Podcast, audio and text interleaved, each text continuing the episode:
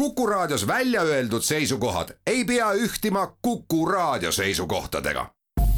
Te kuulate Kuku Raadiot.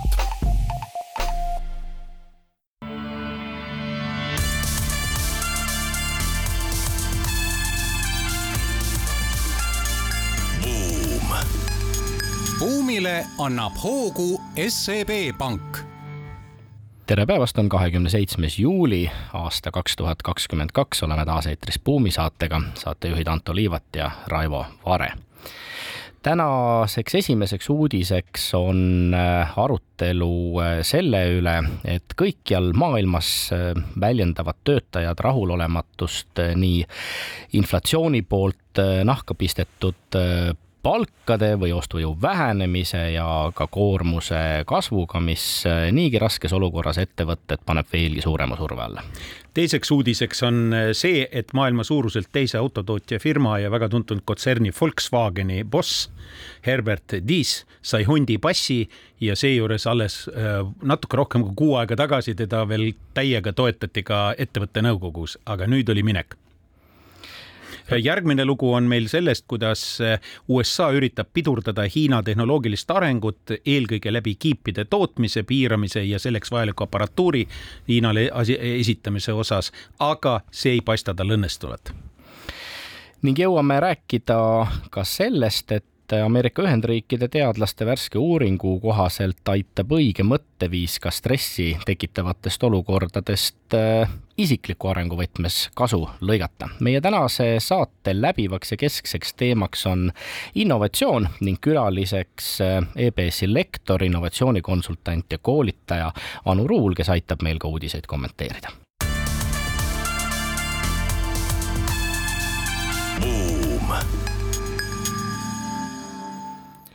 Nii nagu lubatud sai, räägime kõigepealt sellest, et maailma majanduse hea käekäik võib lähiaastatel sõltuda enam töötajatest kui millestki muust. me teame, et ettevõtted on pannud raskesse olukorda nii Covid pandeemia, mis tegelikult ei ole ju kuhugi kadunud või oma lõppu leidnud, kasvanud energiahinnad, toormenapp, lõppus ja nüüd on sellele lisandunud pea kõikjal maailmas äh, töötajate tööseisakud, äh, streigid, äh, kas me vaatame heaoluriikidesse nagu Norra või me vaatame vähem arenenud riikidesse, me näeme, et et äh, igal pool ennekõike just äh, need töötajad, kes on seotud kaupade või inimeste liigutamise ja ka energia tootmisega, on järjest ja järjest rahulolematumad oma töötingimuste, koormuse ja palgaga ning äh, tulevad tänavatele. seal on ka üks põhjus välja toodud selles loos, mille avaldas Bloomberg uurimuse tulemustena. tegelikult on probleem selles, et pandeemia ajal oli just nendes nimetatud sektorites koormus kõige kõrgem ja inimesi seejuures ka vähendati puhtfüüsiliselt, nende koormus kasvas, mentaalselt nende koormus kasvas. me teame ju, kui keerulised olid logistikaprobleemid pandeemia ajal lahendada ja kui me kujutame ette, et see kõik rõhus nii-öelda inimeste nii psüühikat, töövõimet kui ka äh, sooritusvajadust, siis loomulik on see, et nüüd, kui lisandus veel ka inflatsioon ja õieti pole ju päriselt ka sellest pandeemia järgsest logistika nii-öelda ummikust päriselt lahti veel saadud, vastupidi, see isegi mõneti veel jätkub. sellises olukorras on loomulik, et tekib mingisugune soov noh, asju muuta ja vähemalt saada korralikku kompensatsiooni nende kannatuste eest. paljud ülikoolid mõõdavad üsna täpselt seda, kui palju tööpäevi ja dollareid äh, läheb äh, kaduma ettevõtetel ja, ja skp mõttes seoses tööseisakute ja, ja streikidega ning need numbrid praegu indikeerivad vaata et et, viimaste aastakümnete kõige intensiivsemat streigilainet ja, ja see, kui inimesed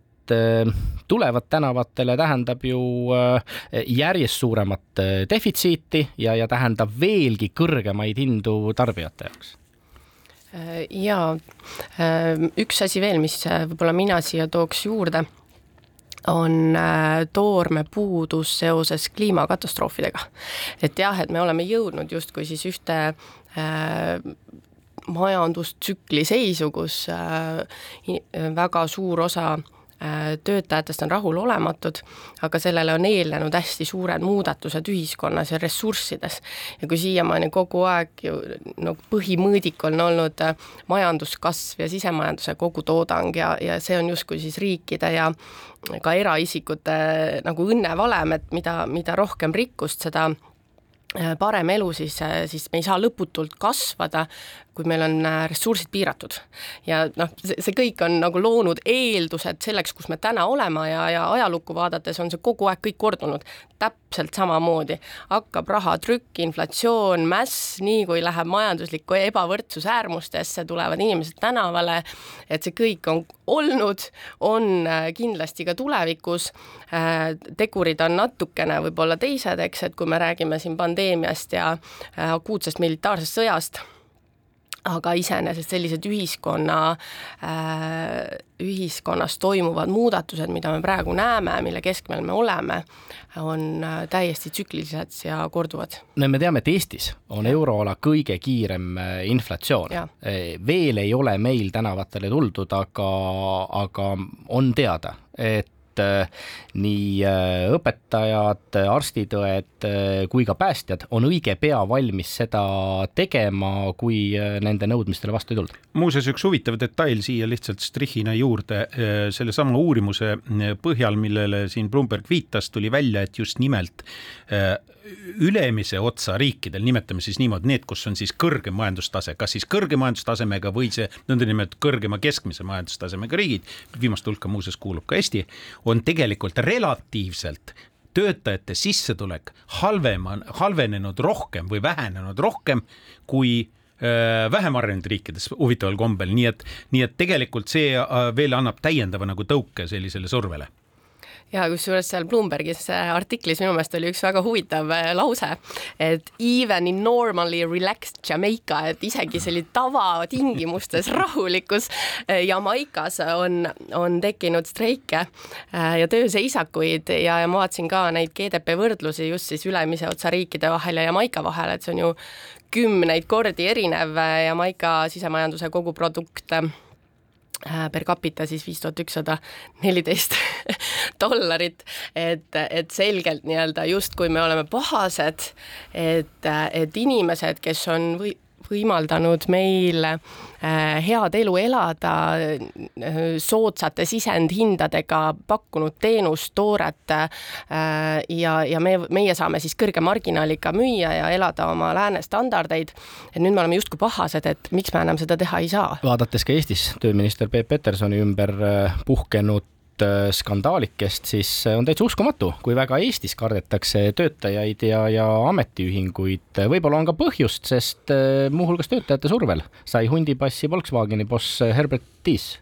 jah, tõepoolest sai ta selle hundipassi sellisel viisil, et, et teda toetati hetk tagasi ja nüüd oli see toetus järsku läbi, vähe sellest, ta sai üldse seda teada pärast pikka rasket reisi Ameerika Ühendriikidesse, üritades parandada Volkswageni positsiooni Ameerika autoturul, kus nad on tahapoole teistest konkurentidest jäänud. ja DC puhul oli eripära selles, et noh, Saksamaal on üldse töötajatel väga suur sõnaõigus. ligi pooled kohad ettevõtte nõukogus on äh, ametiühingute esindajatel, Volkswageni ametiühingute kohta on isegi isegi öeldud, et isegi Saksamaa mastaabis, mis on iseenesest väga tugeva ametiühingu traditsiooniga ja tugevusega riik, isegi sellel foonil on Volkswageni militantlik äh, ametiühing veel kõvem. Ja, ja, ja, ja nemad olid muidugi väga hirmul sellest DC programmist, mida DC tegelikult käivitas. nimelt DC-le teeneks loetakse ja tänasel loetakse seda ka pärast seda vallandamist, et, et ta pani käima väga mastaapse kaheksakümne üheksa miljardi eurose programmi Volkswageni ümber orienteerumiseks elektriautodele ja sellega kaasnev ka väga oluline, autotööstus on see muidu maha jäänud teema, väga oluline soft'i, soft'i või nii-öelda arvutivõimekuse äh, äh, arendamise programmi, mille üheks osaks oli ka Eestis viibiv äh, või olnud ettevõte mõnda aega meie ilusat statistikat ilustanud, mis aga nüüd ebaõnnestus tal ja ei suudetud, vähe sellest, ebaõnnestumine soft'i poole peal tähendas seda, et ei toodud turule mitmeid uusi mudeleid äh, segmentides, mis on kõige atraktiivsemad, nagu näiteks SUV-id ja see tähendas seda, et noh, et tulemused langesid ja, ja see tähendas, et mehel on minek, nii et isegi meid servapidi puudutab teinekord, mis suures maailmas suurte meestega ja suurtes korporatsioonides juhtub. strateegina on DIS-ist pea alati lugu peetud, aga strateegia elluviimine tal nii hästi välja ei tulnud ja, ja teine häda muidugi selles, et et ta tuli Volkswagenisse väljaspoolt. BMW-st. just, ja töötajate poolt päris omaks ei võetud teda eh, kunagi ja, ja kui börsiettevõtete juhid kipuvad oma eh, circa viieaastase keskmise ametiaja jooksul eh, alguses pöörama pilku ettevõttest väljapoole, siis ametiaja teises pooles tuleks seda pöörata järjest rohkem sissepoole, et erinevate huvipooltega hästi läbi saada, ma arvan, et ka selle DC loo sõnum juhtidele, tööandjatele on ennekõike see, et äh, töötajatega tuleb rääkida pidevalt ja, ja hoida suhtluskanalid avatuna, hakata pidama palgaläbirääkimisi äh, siis, kui inimesed äh, alustavad tööseisakut või ähvardavad sellega, on ilmselgelt liiga hilja. aga kuulame nüüd ära kaubanduslikud teadaanded ning seejärel jätkame.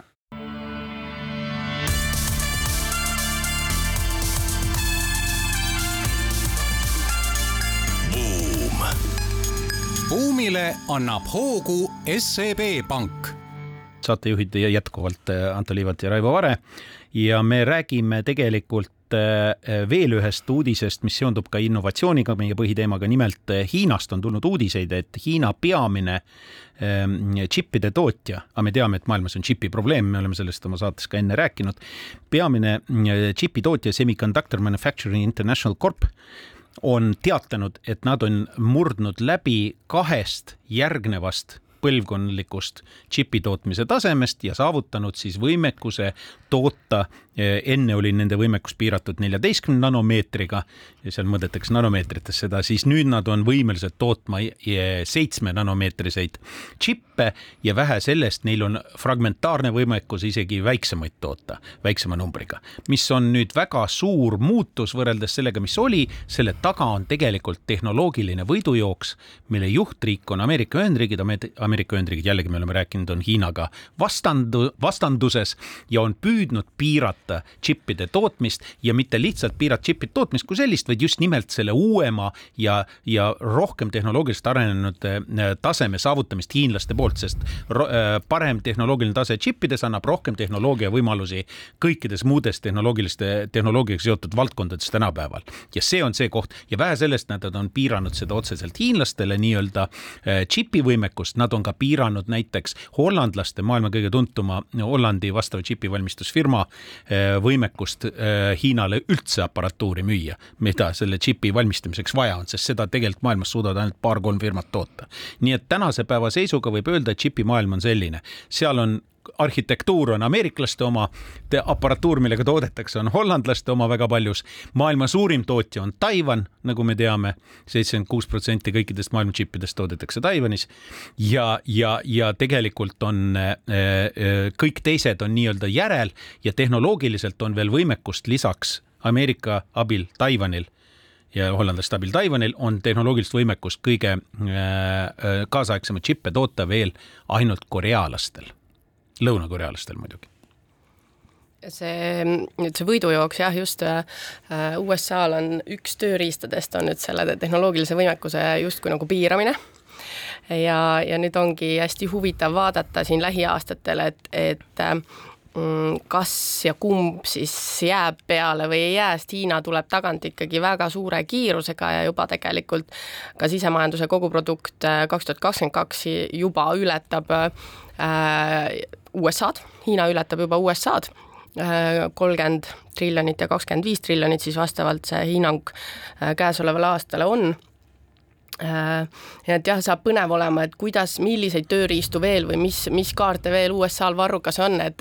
et olla ise ikkagi see maailma juhtiv võim, sest selge on see, et noh, nii suured sellised turbulentsid on igal pool julgeolekus, tootmises, tooraines, äh, kas nüüd äh, Venemaa ja Hiina sõbrustavad, kui palju kui palju saab USA seal seda rolli mängida, tasakaalu äh, tekitada, et jah, see on tõesti hästi-hästi huvitav nagu vaadata, et tõepoolest, et USA võtab ette ja keelab Hollandi tootjal äh, anda, anda tehnoloogilist võimekust, et äh, jah, ei väga, väga huvitavad dünaamikad. no peaks muidugi vaatama ka innovatsiooni reitinguid, maailma riike reastatakse ka selles ja. plaanis ja, ja kui kümmekond aastat tagasi oli Hiina nendes pingeridades seal neljakümnenda koha ümber, siis täna on ta juba viieteistkümnenda ja kümnenda koha vahel, oleneb nüüd äh, pingereast ja, ja hiinlased on üheksakümnendate aastate algusest peale väga tõsiselt oma innovatsioonipoliitikat äh, arendanud, on meetmeid erinevate teadus-arendustegevuste toetamiseks eh, on ülikoole restruktureeritud ja tegelikult, kui laiemalt mõelda, siis eh, erinevalt sellisest Ühendriikide lähenemisest, kus innovatsioon peaks juhtuma ennekõike eraettevõtetes mis omavahel konkureerivad, siis Hiina on üsna osavalt sidunud Eh, kogu oma innovatsioonipoliitika riigikapitalismiga ja, ja Baidu, Alibaba või Tencent, mis on kõik ka väga suured tehisintellekti arendajad näiteks, eh, saavad ju kõik riigilt kõvasti tuge, rohkem kui ameeriklased oma suuri toetavad ja, ja, ja selle võrra on ka paremas konkurentsipositsioonis. no me näeme ka seda võidujooksu näiteks Huawei puhul, see kurikuulus Huawei näide, kus Huawei nüüd on sattunud Ameerika sanktsioonide alla ja neil on ka seesama probleem, džipi probleem sealhulgas, neid piiratakse, eks ole ja nüüd nad on siis otsustanud ise hakata neid džippe tootma, nii et sinna Hiinast tuleb neid tootjaid kogu aeg ka juurde ja kui tõepoolest nende võimekus nii kaugele areneb, siis raha taha, investeeringute taha see asi seisma ei jää sellesama riigikapitalismi tõttu, nii palju kui vaja, nii palju kui investeeritakse. ja see on neil täiesti top priority või prioriteetne just nagu kosmose võidujooks, eks ju, et, et pean saama et paremaks. kui vaadata Hiina eh, tehnoloogilist arengut puudutavaid uuringuid, siis paistab, et on eh, noh, suurusjärgus nelikümmend eh, tipptehnoloogiat või kõrgtehnoloogiat, eh, mida hiinlastel oleks vaja, aga, aga, aga nad peavad seda täna importima ja siis tasapisi püüavad ka endale neid võimekusi arendada. kiibi tootmisel kindlasti tasub silma peal hoida, sest see on seotud asjade interneti ja, ja peaaegu kõigi oluliste arengutega, siin muidugi üks asi, mida tasub tähele panna, on see, et et, et eks neid nanomeetreid kasutatakse palju ka turundustrikina, ei ole ühtset standardit, kuidas äh, kiipide võimekust äh, mõõta ja, ja nende numbritega käiakse üsna, üsna vabalt ringi, nii et, et noh, kas see seitse nanomeetrit nüüd on kaks korda parem kui Inteli neliteist, päris kindel ei ole, aktsiahind, tõsi küll, Hiina ettevõtetel reageeris positiivselt. No muidugi me näeme ka teist poolt sellest, mis on seotud suure poliitikaga ja geopoliitikaga, me teame Taiwan'i probleemi, see on nii-öelda võtmeküsimus. ja kuna Taiwan on tõepoolest maailma kaugelt kõige suurem tootja, siis nüüd on näha, kuidas survestatakse nii sisemiselt kui väliselt Taiwan'i tootmist liigutada ümber Ühendriikidesse. ja praeguse seisuga Taiwan'i firmadel on kuskil suurusjärgus sada miljardit dollarit eh, tehased soojas investeeringud Ühendriikide territooriumil ja see nii-öelda oma territooriumile selle juri, oma jurisdiktsiooni alla oleks võib-olla õigem öelda, äh, selle džipi tootmise toomine on fundamentaalne strateegiline eesmärk, mis on president Bideni poolt ka ametlikult välja kuulutatud sellisena ja selle nimel ka muuseas isegi USA, mitteriikliku kapitalismi harrastav riik on, on teinud väga palju mööndusi ja valmis tegema veel. ja teadupärast Ühendriikide Kongressi esindajate koja juht Nancy Pelosi plaanib augustis endist viisi äh, külastada Taiwan'i. mille eest teda Hiina hoiatas. just, ja see on ka see põhjus, miks äh, vististi juba homme peaks Joe Biden ka Hiina Hiina presidendile helistama, sest äh, nendesamade mikrokiipide ja Taiwan'i ümber on asjad läinud päris teravaks. jõuame siia lõppu ühe uuringu veel rääkida sellest, kuidas õige mõtteviis aitab ka stressi tekitavatest olukordadest kasu lõigata. Ühendriikide teadlased on väikeettevõtjate hulgas äh, viinud läbi erinevaid uuringuid ja küsimus on ennekõike mõtteviisis, kuidas me stressi interpreteerime, kui me näeme stressi kui midagi sellist, mis meid arendab ja võimaldab paremaks saada, e, siis e, me tegelikult inimestena kasvame ja, ja saame ka sooritustega paremini toime, kui me aga vaatame stressi kui millegi sellisena, mis takistab meil asjade ärategemist, siis paistab, et ega ei saagi hakkama nii on jah.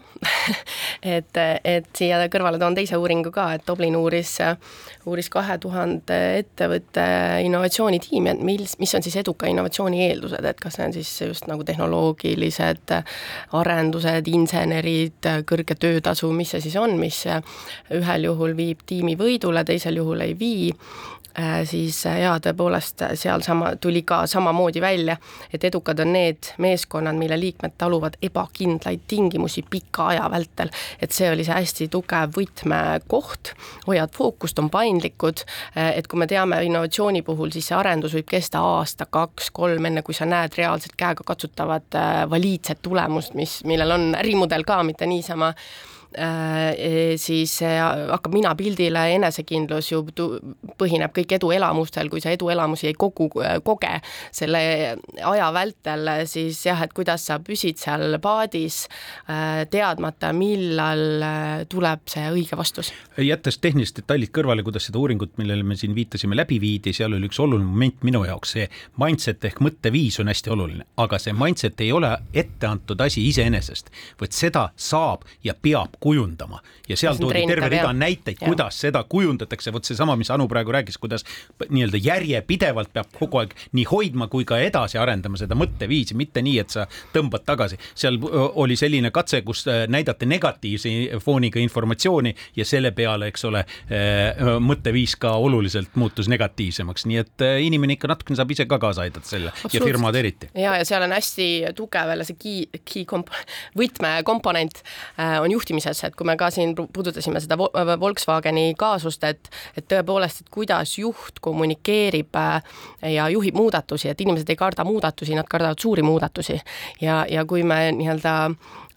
juhina ikkagi suudame luua keskkonna, kus äh, meeskond julgeb otsida, eksida, et eksimine on protsessi osa. Ja, ja kõik tingimused on loodud, et, et inimesed saavad ennast nii-öelda vaimselt, emotsionaalselt, füüsiliselt turvaliselt tunda, et siis, siis see on hästi suur eeldus, jah ülelihtsustatult võiks uuringu tulemused kokku võtta niimoodi, head äh, juhid, äh, lõpetage kurtmine selle üle, et te olete sattunud jälle stressirohkesse olukorda või et te olete jälle stressis. mõõdukas stress juhi töös on täiesti normaalne ja edasiviiv äh, nähtus. nüüd aga kuulame ära kaubanduslikud teadaanded ning seejärel jätkame Anu Ruuliga innovatsiooni teemadel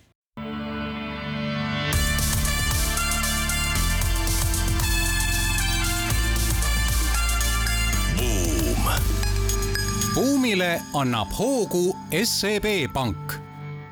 oleme tagasi Buumi eetris, saatejuhid Anto Liivet ja Raivo Vare. meie tänaseks saatekülaliseks on Estonian Business School'i lektor, innovatsioonikonsultant ja koolitaja Anu Ruul, kellega vestleme innovatsiooni teemadel. kõigepealt räägime sellest, millised on innovatsiooni eeldused ettevõttes, kuidas jõuda uuenduslike turule toodud Äh, toodete, teenuste, lahendusteni ning teises plokis räägime veidi laiemalt innovatsioonist Eesti majanduse kontekstis. aga sissejuhatuseks, Anu, kuidas sina innovatsiooni mõistet määratlenud oled? Innovatsioonil on umbes äh, kolmkümmend pluss erinevat definitsiooni, nii et iga mees võib valida endale meelepärase. aga mina oma käsitluses olen defineerinud innovatsiooni kui uue teadmise ja oskuse rakendamiseks, rakendamist uue majandusliku väärtuse loomiseks. ehk et innovatsiooni ja leiutise vahe ongi täpselt seal, et leiutis ei pruugi majanduslikku väärtust luua, äh, kolmandatele osapooltele seda ei pruugi saada müüa võib endal kodus olla mõni äge, äge äh, isetehtud äh, kasulik toode, aga innovatsiooni puhul äh, siis jah, et, et ta peaks looma majanduslikku väärtust. kas need ettevõtted, mis on innovaatilised, kus innovatsioon sünnib, on piisavalt suured, on nad piisavalt jõukad või mis neid iseloomustab võrreldes nendega, kus seda innovatsiooni ei pruugi sündida, juhtuda? Kultuuri küsimus. ehk siis väga tugevalt ähm, äh, on, on äh, sees see innovatsiooni soodustav kultuur, et innovatsioon eeldab ka isolatsiooni, et kui mina juhina äh, loon keskkonna, kus jah, kõik võivad tulla, nad on märganud probleemi, ma eraldan neile aja, raha ja ressursid, et, et seda probleemi valideerida, siis, siis see loob eeldused selle keskkonna tekkimiseks. Ja ja mulle ka väga meeldib näiteks Chemi-Pharmi juht ka on öelnud, et et äh, innovatsioon ei ole miski nii-öelda projektipõhine või et täna teen innovatsiooni, aga homme ei tee, et see aasta teeme innovatsiooni ja järgmine aasta siis ärme tee, et et see ongi konstantne, pidev äh, märkamine, otsimine, uurimine, valideerimine äh, ja, ja see on, ja see ongi see mindset või mõtteviis, eks ju. aga kus see, kus see ülesande püstitus mm -hmm. nii-öelda konkreetselt tekib, jah -hmm. innovatsioon mm -hmm. per se on arusaadav yeah,, yeah. aga vot teeme just seda asja või teeme mm -hmm. teist, kus see tekib, juht peab siis mingit ettekujutust vastust omama või ta kuulab, mida talle nii-öelda kokku mhm. tuleb kuskilt, eks ole, mingil viisil altpoolt või, või võtab, laenab ideid kuskilt mujalt või kuidas see käib füüsiliselt, see sihiseadmine? see päästik on probleem ehk et kui me näeme, kogeme probleemi või kuuleme, et on probleem, äh, mida meie oma ressurssidega saame lahendada, siis seal võib tekkida erasektori vaatenurgast ärivõimalus. ehk et kui me ressurssideks loeme aega, raha, ambitsiooni, kontakte, teadmisi, äh, loodusvarasid, äh, oskusi ja, ja me näeme, et on probleem, ehk siis see gap või as is to be, et et tänane olukord ja olukord, kuhu me tahame jõuda, seal on vahe ja selle vahe lahendamine võiks olla meile äriliselt kasulik, siis erasektori vaatest äh, käivitabki innovatsiooniprotsessi või uue lahenduse otsimist, valideerimist, äh, probleemi tuvastamine. ehk siis juht peab olema äh, selgelt ette kujutama, mis on probleem absoluutselt jah, et, et on nii-öelda nice to have või, või toredad äh, asjad, mis tunduvad, et võib-olla on probleemid ja on päris probleemid, mis, mis on teravad ja, ja nüüd on seal selle validatsiooniperioodi äh, kriitilisus hästi suur, et mida mina näen päris tihti ähm, oma tegemistest, on see, et, et äh, probleem valideeritakse ühe või kahe inimese peas lausega, et aga ma arvan, et nii on ja, ja see, mida mina taotlen oma töös ka, on see, et, et ärme arva, proovime saada teada. Ja see on see väga suur vahe, et ma arvan, et ma tean versus ma tean, et ma tean. Ja, ja et ma tean, et ma tean, siin ma, sinna ma jõuan väga teadliku protsessi läbimise ja validatsioonidega, et innovatsioonieksperimente saab väga teadlikult disainida, validatsioone saab viia läbi väga teadlikult, optimaalselt, et ma jõuan vastuseni jah, ma lähen sellega edasi või ei, siin ei ole äri, see ei ole probleem, mulle ainult tundus. sa oled rääkinud kahe kaheetapilisest valideerimisest ehm, ehk siis ehm, maakeeli esiteks me peame selgitama välja kas on pelgalt meie arvamus või probleem tõepoolest eksisteerib kellegi jaoks ja kui, siis millisel kujul. Ja. Mhm. ja, ja teises etapis me hakkame valideerima seda lahendust mm -hmm. või, või otsima õiget, võimalikult tõhusat, mõjusat lahendust äh, mure äh, või leevendamiseks, aga mis tihtipeale tehakse, on, äh, on ju see, et kellelgi on idee mm -hmm. või, või äriidee mm -hmm. ja siis hakatakse kohe kiiresti ideed ellu viima, veendumata, kas üldse probleem olemas on. ma olen siin segaduses, sellepärast et Anu päris alguses siin kuskil ütles, et, et tegu ei ole sellise projektipõhise loogikaga, et no, et, et aga see, mis praegu Anto ütles, see on ju tegelikult sisuliselt ikkagi projektipõhine loogika. Ja seal oli see, see vahe projektipõhisusest ma rääkisin siis, kui, et see mindset, vaata, et innovatsioon ei ole niimoodi, et ma täna alustan ja homme lõpetan, vaid et ma mõtlengi kogu aeg niimoodi, et ma märkan, et ma konstantselt märkan ja siis, kui ma olen märganud ja mul on nii-öelda see päästik või, või juhtlõng on mhm. käes või laua peal, et jah, siin on probleem, me võiks seda lahendada, siis algab see sisuline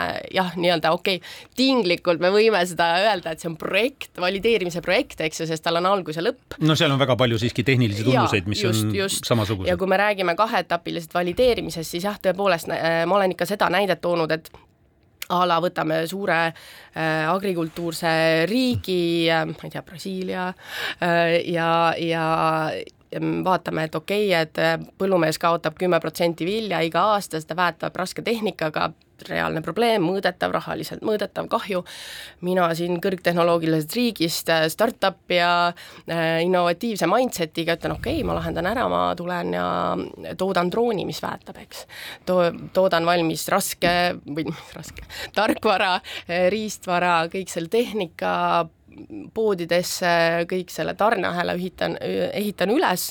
ja keegi ei osta ja siis ma lähen küsin farmeri käest, et miks sa ei osta. ja ta ütleb mulle, et aga ma ei puutu kõrgtehnoloogiat. aga ma olen nõus ostma sinu käest teenust, kui sa tuled põllu äärde minule väetama sellega, ma olen täiesti teises ärimudelis. ma olen teenuseäris, ma ei ole enam ju tootemüügiäris. et see nii-öelda kaheetapiline valideerimine säästab väga-väga palju Äh, vigu, mis, mis nii-öelda saab, saab ennetada. kes on käinud Brasiilias, mina olen, ma olen Paraná osariigis kus, kus kakskümmend viis protsenti Brasiilia põllumajandustoodangust tekitatakse ja on nii-öelda Saksa äh, kolooniatest tulnud väga tugev nii-öelda põllumajanduskultuur, siis seal on mullad üliviljakad mullad, ma olen ise näinud, need on kõrgemad kui siin stuudios maast laeni. seal nagu selle väetamisega ei pea üldse oma pead vaevama, võib-olla selle farmeri juurde ära ei tasu, ei tasu, ei tasu üldse minna, esimene valideerimiseks oluline no, eeldus on, on ongi. minna sinna just, osariiki, eks just. ole, kus on tegelikult sellist mulda ja. ei ole, kus väetamisel on mõtet. täpselt, aga ongi, et kui sa eeldad, et sa tead ja sa ei tee seda taustauuringut täpselt, et äh, mis piirkond, mis viljakus, kas see on probleem, kas see väetise puudumine on üldse probleem või, või selle rasketehnikaga väetamine on üldse probleem, et kui ma kahte etappi ei valideeri, mul võib jääda nii kriitiline info saamata, mis pärast mulle maksab lihtsalt nii palju. räägi palun mõnedest äh sellistest konkreetsetest nippidest või võtetest ka, mida teha ettevõttes mõtteviisi muutmiseks, see ei juhtu kindlasti üleöö, see on väljakutsuv ja keeruline, aga mis on need asjad, mida on tehtud või võiks, võiks katsetada um...? jah, siin on võib-olla nüüd kaks asja, et üks on mõtteviis ja teine on suhtumine, eks. et, et mõtteviisi puhul ma olen näinud ikkagi, et mida teadlikum äh, juht ja meeskond seda süsteemsem ja optimaalsem on see innovatsiooniprotsessi läbimine ja, ja tulemuslikum, eks. sest jah, et äh, kui sa küsisid ka, et kuidas sa defineerid innovatsiooni, siis päeva lõpuks kõige olulisem innovatsiooni defineerimise juures on see meeskond, kes siis nii-öelda selle projektiga või uue, uue väärtuse loomisega tegeleb, mõistab seda kõike ühtemoodi. sest väga sageli on see, et igalühel on peas oma ettekujutus, mis asi on innovatsioon ja siis kõik justkui, kõik justkui ajavad oma asja, kõik arvavad, et me teeme innovatsiooni, tegelikult iga meeskonnaliige defineerib seda erinevat moodi, et kui nad ei ole viidud nii-öelda sünkrooni, eh, et nad teevad eh, nii-öelda läbivadki teadlikult innovatsiooniprotsessi, siis see mõtteviis saab ka ühilduda ja saab olla tulemuslik. ehk siis kaks asja, ikkagi selgelt määratletud süsteemne protsess ja teiseks ühine arusaam sellest, milline on lõpptulemus või peab olema lõpptulemus? alati ei pruugi ikka vist seda äh, ühist arusaama lõpuni olla kõigil, ma ei usu sellesse praktikuna, ma olen olnud äh, tippjuht erinevates firmades ja minul on kogemus, et ei õnnestu kuidagi veenda suurt hulka inimesi, aga mõnesid õnnestub ära veenda ja tahtsingi tuua näite, kuidas ükskord õnnestus tegelikult asi isegi niimoodi, et pidevalt konstantselt probleeme kirjeldanud võtmeisik kes kogu aeg kirjeldas, vot siin on probleem, siin on probleem, see probleem on kogu aeg probleem, probleem, teised vaidlesid vastu, ei ole, ei ole. lõpuks äh, mul ei jäänud midagi muud üle, kui ma ütlesin, et no paku nüüd siis lahendus ka välja. ja te ei usu, kõik olid skeptilised, aga lahendus meeldis kõigile ja siis olid nad kõik paadis ja siis asi toimis. ehk siis see on ka üks võte. ja, ja nüüd, kui Anto ütles, et jah, et nad peavad ühiselt aru saama sellest lõpptulemusest, eks ju, see on ka niisugune natukene filosoofiline küsimus, sellepärast et validatsiooni käigus äh, võib eesmärk muutuda sest kui validatsiooni käigus me saame sisendit, mis ütlebki, et seal on viljakas muld, et ära noh, ära punnita, on ju, oma droonidega või ütleb, et, et toob mingi uue aspekti, mis, mis tähendab, et me peame oma ärimudelit või lahendust või probleemi täiesti ümber mõtestama, siis ka lõppeesmärk võib selle käigus äh, muutuda ja see on jumala okei. Okay.. selles mõttes, et selle protsessi käigus me otsimegi, meil on püstitatud hüpoteesid, me disainime innovatsioonieksperimente, me otsime vastuseid äh, ja, ja kui me leiame info, mis meie algse hüpoteesi ümber lükkab, siis me teeme vastavad korrektuurid innovatsiooni mõistet seostatakse väga paljude teiste mõistetega, olgu see teenus või protsess või ärimudel, et, et millised on need peamised peamised innovatsiooniliigid, kui nüüd juht mõtleb äh, kogu innovatsiooni äh, spektrumi peale ettevõttes? Ähm, jah, tõepoolest tavaliselt, kui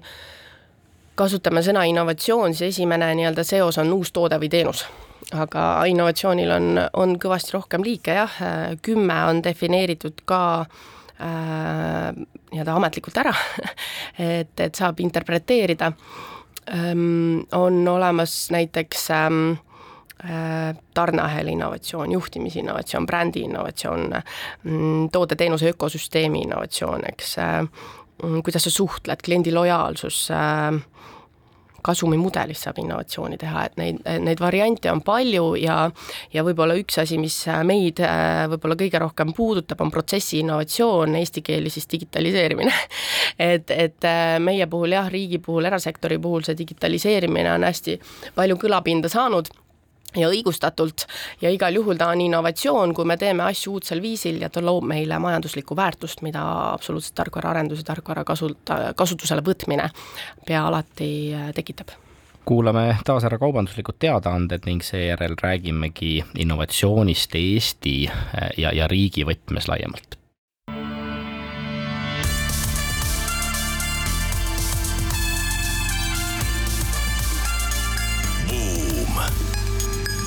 buumile annab hoogu SEB Pank oleme tagasi Buumi eetris, saatejuhid Anto Liivet, Raivo Vare ning meie külaliseks EBS-i lektor, innovatsioonikonsultant ja koolitaja Anu Ruul. saate toetaja ja sõber SEB Pank on jaganud meiega uuringuinfot, et et äh, süsinikdioksiidi jalajälge mõõdab äh, kümme protsenti Läti, kaheksa protsenti Leedu ja vaid seitse protsenti Eesti ettevõtetest. Ja kui juhtide käest küsitakse kas roheinvesteeringud mõjutavad nende äritulemusi, siis jagunevad arvamused enam-vähem võrdselt vastuste jah, ei ja ei tea vahel, ehk siis vaid circa kolmandik ettevõtjatest arvab, et roheinvesteeringud võiksid mõjutada nende äritulemusi. sa oled Anu ka Rohetiigri Akadeemia õppejõud, kuivõrd innovaatilised just ka selliste kestlikkuspürgimuste mõttes Eesti ettevõtted sulle paistavad või tunduvad? Jaa, see on hea küsimus, et mida ma arvan, on ju, et, et ma ise just taotlen seda, et keegi arvaks, vaid teaks, eks äh,. aga jah, tõepoolest tegelikult äh, jällegi siin on selline sõnade teema. vaata, et kui ma kasutan sõna roheline, siis ka hästi paljud defineerivad seda erinevalt enda jaoks, kui ma kasutan sõna kestlik, kasutad või noh, defineeritakse seda erinevalt ja minu jaoks äh, on selline kestlik innovatsioon, ma ei tahaks üldse neid kahte sõna kõrvuti panna, ma tahaks kasutada sõna ainult innovatsioon, sest ta peakski olema vaikimisi kestlik. et kui ma midagi uuendan, siis ma võtan arvesse äh, mõju loodusele. kaks tuhat kaksteist Rooma klubi oma raportis näiteks ütles, tänapäevane majandus teadus on fiktsioon ja fantaasia ja just sellepärast, et kogu meie nii-öelda mõõdikute süsteemis ei ole absoluutselt üheski äh, aspektis arvestatud meie tegevuse mõjuga loodusele ja see jätkuvalt peab paika, ükskõik kui toredaks me tahame oma püüdlusi kirjutada või rääkida, faktid räägivad kõik sellele vastu. Ähm, kuidas nüüd Eesti ettevõte paistab, äh, potentsiaali on väga palju ja just sellepärast, et kui me räägime äh, nii-öelda jah, roheinvesteering, see kõlab, ma ei tea, ma ei kasutaks seda sõna, sest et, et minu meelest kestlik just see investeering äh, tähendab seda, et ma mõtlen äh, oma mõju peale oma tegevuse mõju peale äh, osapooltele ja looduskeskkonnale ja seda saab teha ka hoopis teistel viisidel, kui äh, suuri investeeringuid äh, sisse viies, sa saad kontoris sorteerida prügi, on ju, väikeste asjadeni välja, sa saad valida oma tarneahela partnereid selle järgi, äh, kust nad oma tooraine saavad, kas nad on kestlike põhimõtetega koos, kooskõlas, sa said hangetesse neid tingimusi sisse kirjutada. ja kogu ahelas, et, et sa saad tegelikult alustada väikestest äh, sammudest, mis ei maksa sulle alguses midagi,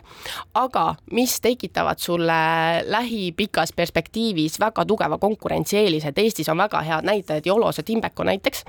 et Timbeko ehitab ehitusturul samamoodi oma kestlikkuse põhimõtetega täna tekitab väga suurt sellist elevust. ja Jolos suur, suurte ürituste korraldajana näitab väga suurt eeskuju äh, selles, et kuidas on võimalik nii-öelda minna tohutust raiskavast pidutsemisest kestliku ürituseni väikeste sammudega, mis loovad suurt muutust. et jah, et mulle see roheinvesteeringu sõna pigem seostub võib-olla LHV roheinvesteeringute portfelliga ja, ja sellised suuremad teemad, aga Eesti ettevõte, kes on kaheksakümmend protsenti väike ja keskmine ettevõte, tema jaoks need väikesed sammud, mis mõjutavad ikkagi äh, päris palju lõpuks, kui sa teed neid järjepidevalt ja juba nii-öelda koguneb neid sammukesi, et siis see hakkab juba muutust looma. vabariigi Valitsus on kinnitanud viieteistkümneks aastaks Eesti teadus- ja arendustegevuse, innovatsiooni ning ettevõtluse arengukava, see on siis kuni aastani kaks tuhat kolmkümmend viis. kuivõrd see arengukava arvestab kestlikkuspüüdluste ja innovatsiooni laiema positiivse ühiskondliku mõjuga? kas ma pean nüüd poliitiliselt korrektne olema aus peab olema. aus peab olema. Ehm, no ütleme, et liiga palju ei arvesta Ehm, jah, seal oli tegelikult toodud täiesti bullet point idega välja, et mida selles arengukavas on arvesse võetud ja, ja kestlikkust äh, ja mõju loodusele äh, seal nimekirjas ei olnud. ja üks asi veel, mis mulle jäi nagu silma, oli ka seal selles TAIE puhul äh, innovatsiooni definitsioon et mille alu-, millest lähtuvalt nad on siis seda dokumenti kokku pannud, on ju, ja, ja selles definitsioonis puudus seesamane e, siis ähm, avaliku sektori vaates sotsiaalmajanduslik sotsiaalmajandusliku väärtuse loomine. ehk et see tegevus, mis ma teen, see innovaatiline tegevus peaks looma ju väärtust ja see väärtusloome koht oli ka sealt ähm, definitsiooni tasandilt äh, puudu Äh, nii et jah, äh, see on selline minu jaoks jällegi hästi filosoofiline küsimus, et kui me tahame justkui äh, soodustada innovatsiooni ja ettevõtlust ja majanduskasvu, siis, siis päriselt ka me ei saa kasvada. me ei saa lõpmatuseni kasvada, me oleme piiratud ressursside tingimustes üha enam, sest et ressursid nagu füüsiliselt hakkavad otsa saama loodusest erinevatest piirkondadest, kus me neid sisse tõime, mis meil otsa said, on ju, et see selles mõttes on ikkagi ju faktiliselt äh, juba teada, et, et majandus ei saa kasvada, Yuval Harari äh, ka näiteks oma Homo Deusis ju tõi väga selgelt välja, et et kui täna äh, nii-öelda kõik tahaksid standardeid, mis on Ameerika keskklassil, siis meil on mitu planeeti vaja, kes oleme meie, et öelda nüüd, et, et üks või teine riik ei tohi pürgida samade hüvede või standardite või äh, skp poole, et seal on selles mõttes ikkagi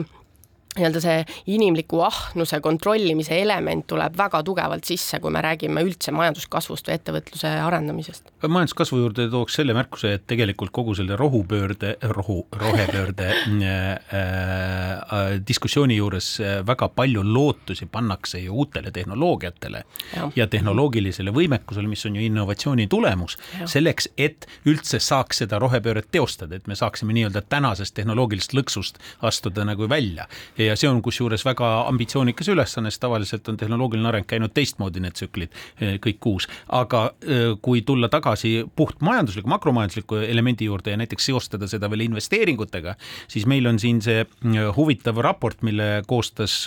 akadeemik Varblase juhtimisel töörühm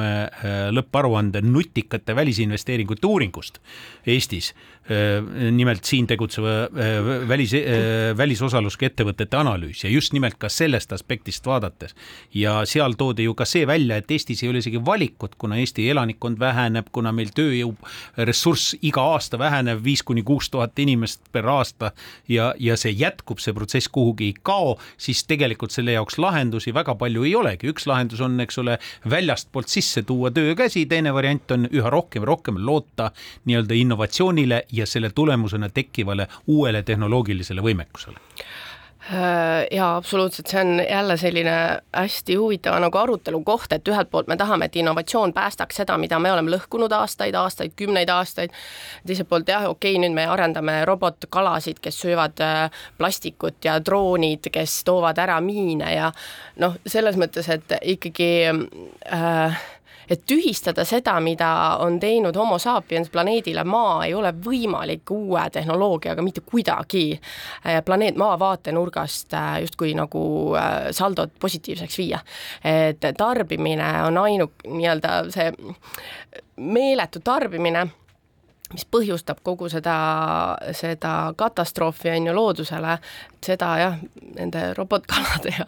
asjadega, noh, see peab ju olema ikka väga drastiline uus tehnoloogia, mis suudab CO2 õhust püüda mõistlike kuludega inimese jaoks ja ja plastikut ja prügi ähm, ma ei tea, hap-, hapnikuks muuta miskil imeväel, aga mis ma tahtsin veel öelda selle taie kohta ja, ja kui me rääkisime ennem, Anto küsis innovatsiooni eelduste kohta, äh, siis nüüd just äh, haridustöötajate Liit tuli välja uuringuga, mis ütleb, nad uurisid üle siis kas tuhandet õpetajat küsitleti, tuhat seitsesada, tuhat seitsesada õpetajat küsitleti, üheksakümmend kaks protsenti on läbi põlenud viiskümmend kaheksa protsenti on kaalunud õpetajaametist loobumist, teisele tööle siirdumist, viiskümmend viis protsenti õpetajatest on üle viiekümne aasta vanad, mis tähendab seda, et meil lähi-lähiaastatel kaob süsteemist mitu tuhat õpetajat. ja see tühistab kogu selle taie minu selline tagasihoidlik arvamus. sellepärast, et õppe, õpetamisest me, ja õppimisest täpselt, algab täpselt, kõik. et me ei saa äh, hoiakuid, suhtumist, ajumahtu tekitada tehislikult kuidagi steroididega, et anname nüüd justkui raha ja ootame, et meile tuleks nüüd hästi palju insenere ja ajusid äh, looma hästi suurt äh, väärtust või arendama uusi tehnoloogiaid, kui meil lasteaiast peale ei ole inimesi rühma või klassi ette panna, kes seda noort äh, hinge, vaimu äh, toidaks. Eks, et meil on Unicorn Squad, kes on väga eeskujulik, kui me räägime STEM ainetest ja, ja see algabki just sellest, et see noor, kes lõpetab keskkooli, äh, tema potentsiaal on jätkuvalt nii-öelda aktuaalne, ta tahab oma potentsiaali äh, viia maksimumi ja tal on selleks tingimused, äh, kui meil toimuvad, ma ei tea, online loengud teisest koolist, sest ühes klassis pole õpetajat ja kantakse üle teisest koolist, meil on see sügis sada õpetajat veel vakantsed on ju kohad, meil tuhanded hakkavad lahkuma lähiaastatel, siis äh, ma arvan, Taie, Taiel on sel, sellisel juhul viieteistkümne aasta perspektiivis äh, mõju ja mõte, kui äh, noh, just kahekordist aga see näitabki seda, millest me enne rääkisime, et tegelikult riigi või ühiskonna ja. tasemel praegu noh, TAIE on ju siis katse nii-öelda tervikuna riigi seisukohast innovatsiooni stimuleerida või sealhulgas, aga me jätame seejuures lahendamata eeldused, eeldused ja. ja siis tegelikult see asi ei toimi. see on jah, minu, minu nägemus on jah asjas see, et kui meil see, see, see ei teki tühja koha pealt, sa ei saa inimest nii-öelda muuta innovatiivseks või, või kõrgtehnoloogiat arendavaks kui eelmised kaksteist aastat on olnud väga lünklik või, või pigem segadusse ajav, eks. ja tänane noor vajab väga suurt äh, toetust, professionaalset õpetajat ja tuge oma arengus segastel aegadel äh,. see probleem on nii, nii tuline, põle, põlev ja, ja kriitiline, et et tõepoolest õpetajate palgad kahekordseks, hea loosung siia lõppu veel, aga, aga eeldused puuduvad TAIE execute imiseks või elluviimiseks järgmise viieteistkümne aasta jooksul, kui meie haridussüsteem ei läbi drastilist muudatust. suur aitäh, EBS-i lektor, innovatsioonikonsultant ja koolitaja Anu Ruul meile Buumi saatesse külaliseks tulemast. kui innovatsiooni jaoks on tarvilik selge protsess, siis me ei saa toime tarvilike eeldusteta, võtta, olgu siis see ettevõtte tasandil eelduste loomine või ka riigi tasandil laiemalt eelduste loomine teadmusmahukamaks äh, majanduseks. kellel huvi, otsib Anu äh, üles ja Anu tuleb teile appi, aga meie oleme Buumi saatega eetris äh, taas juba nädala pärast, siis uued külalised ja uued teemad, seniks aga kuulmiseni